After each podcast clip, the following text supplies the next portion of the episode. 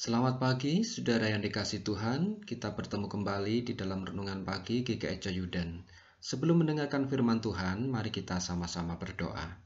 Bapa yang penuh kasih, kami mengucap syukur kepadamu pagi hari ini Tuhan. Engkau yang terus menolong kehidupan kami.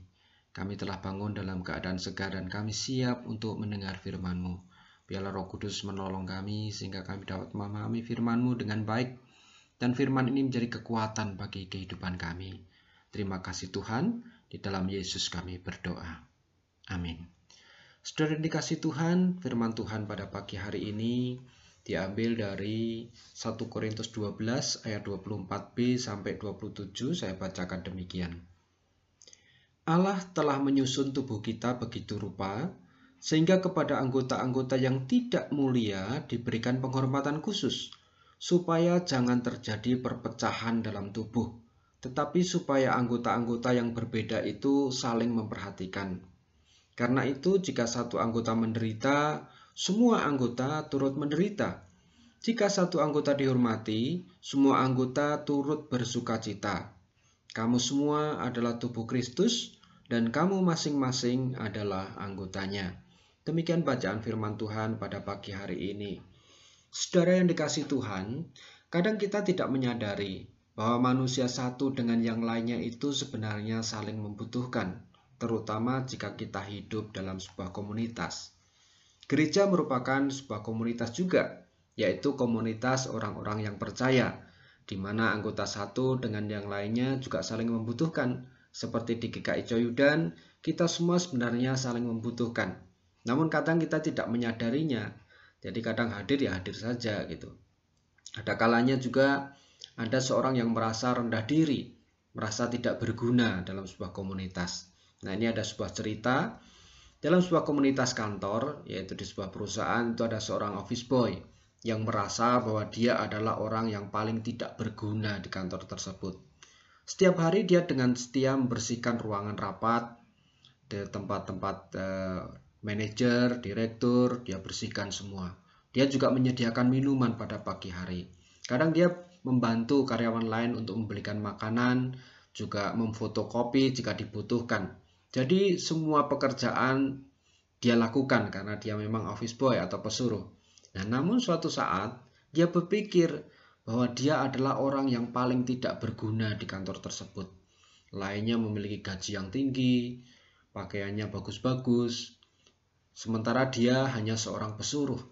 Sehingga suatu saat dia merasa malas sekali untuk datang ke kantor. Dia berpikir, paling saya tidak akan dicari, toh saya hanya seorang pesuruh gitu. Tetapi apa yang terjadi di kantor tersebut? Hari itu banyak orang yang naik darah, banyak yang marah-marah. Kenapa? Karena mereka yang biasanya sudah disiapkan air minum, sekarang mereka harus membuat sendiri. Biasanya fotokopi tinggal menyuruh, sekarang mereka harus pergi sendiri ke tempat fotokopi. Meja kotor juga tidak ada yang membersihkan. Tidak ada yang membelikan makan siang. Suasana kantor menjadi tegang dan semua mencari-cari di mana OB yang biasanya bekerja. Nah, saudara, ternyata OB ini memiliki peran yang sangat besar bagi kantor tersebut. Jadi, apa yang dia lakukan itu sebenarnya memberikan hal positif bagi kantor. Produktivitas kantor bisa meningkat karena dia bekerja dengan rajin dan setia. Nah demikian pula dalam kehidupan di gereja. Kadang ada yang merasa dirinya tidak berguna. Saudara semua adalah tubuh Kristus yang memiliki peran masing-masing. Mungkin saudara hanya bisa berdoa untuk pelayanan gereja, tidak bisa aktif dalam pelayanan tapi bisa berdoa di rumah, atau hanya bisa membantu di dalam kepanitiaan atau anggota paduan suara mungkin, tetapi peran saudara sebenarnya tetap penting. Karena jika satu menderita, yang lain juga akan merasakan menderita. Kita adalah komunitas yang berjuang dalam pengharapan, sehingga semua memiliki peran masing-masing. Kita berkontribusi untuk gereja kita. Semuanya memiliki peran yang penting. Oleh karena itu, saudara dikasih Tuhan, marilah kita untuk terus saling menopang, saling menguatkan, dan yakinlah bahwa saudara juga diperlukan di gereja kita untuk saling mendoakan, saling menguatkan, memberikan kekuatan bagi orang-orang yang membutuhkan dan saling menolong. Tuhan sendiri berfirman, Allah telah menyusun tubuh kita begitu rupa sehingga kepada anggota-anggota yang tidak mulia diberikan penghormatan khusus supaya jangan terjadi perpecahan dalam tubuh, tetapi supaya anggota-anggota yang berbeda itu saling memperhatikan.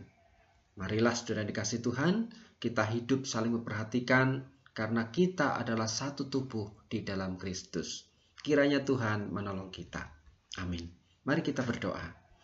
Kami kembali bersyukur kepadamu untuk pagi hari ini ya Tuhan. Engkau telah memberikan firman dalam kehidupan kami untuk kami saling memperhatikan.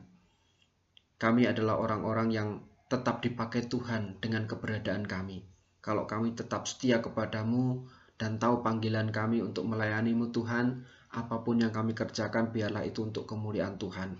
Kami boleh bergandengan tangan satu dengan yang lain, terus memuliakan nama Tuhan melalui apa yang kami lakukan. Terima kasih untuk firman pagi hari ini dan berkati hari ini Tuhan agar kami dapat terus menjadi orang-orang yang berguna bagi orang di sekeliling kami, menjadi berkat bagi orang-orang di sekeliling kami. Kami serahkan juga untuk anak-anak yang saat ini sedang ujian, agar mereka dapat menggunakan waktu dengan baik, belajar dengan baik, dan mereka dapat lancar mengerjakan ujian. Kami serahkan juga untuk seluruh tim pelayanan di GKI Jayudan, baik pengurus komisi-komisi, badan pelayanan yang ada, pemusik yang ada, multimedia, para penatua, para pendeta dan pengerja, dan seluruh orang-orang yang terlibat di dalam pelayanan di gereja, karyawan dan staf kantor gereja Tuhan Engkau berkati, agar mereka Engkau berikan kekuatan dan kesetiaan sehingga mereka tetap melayan dengan sepenuh hati.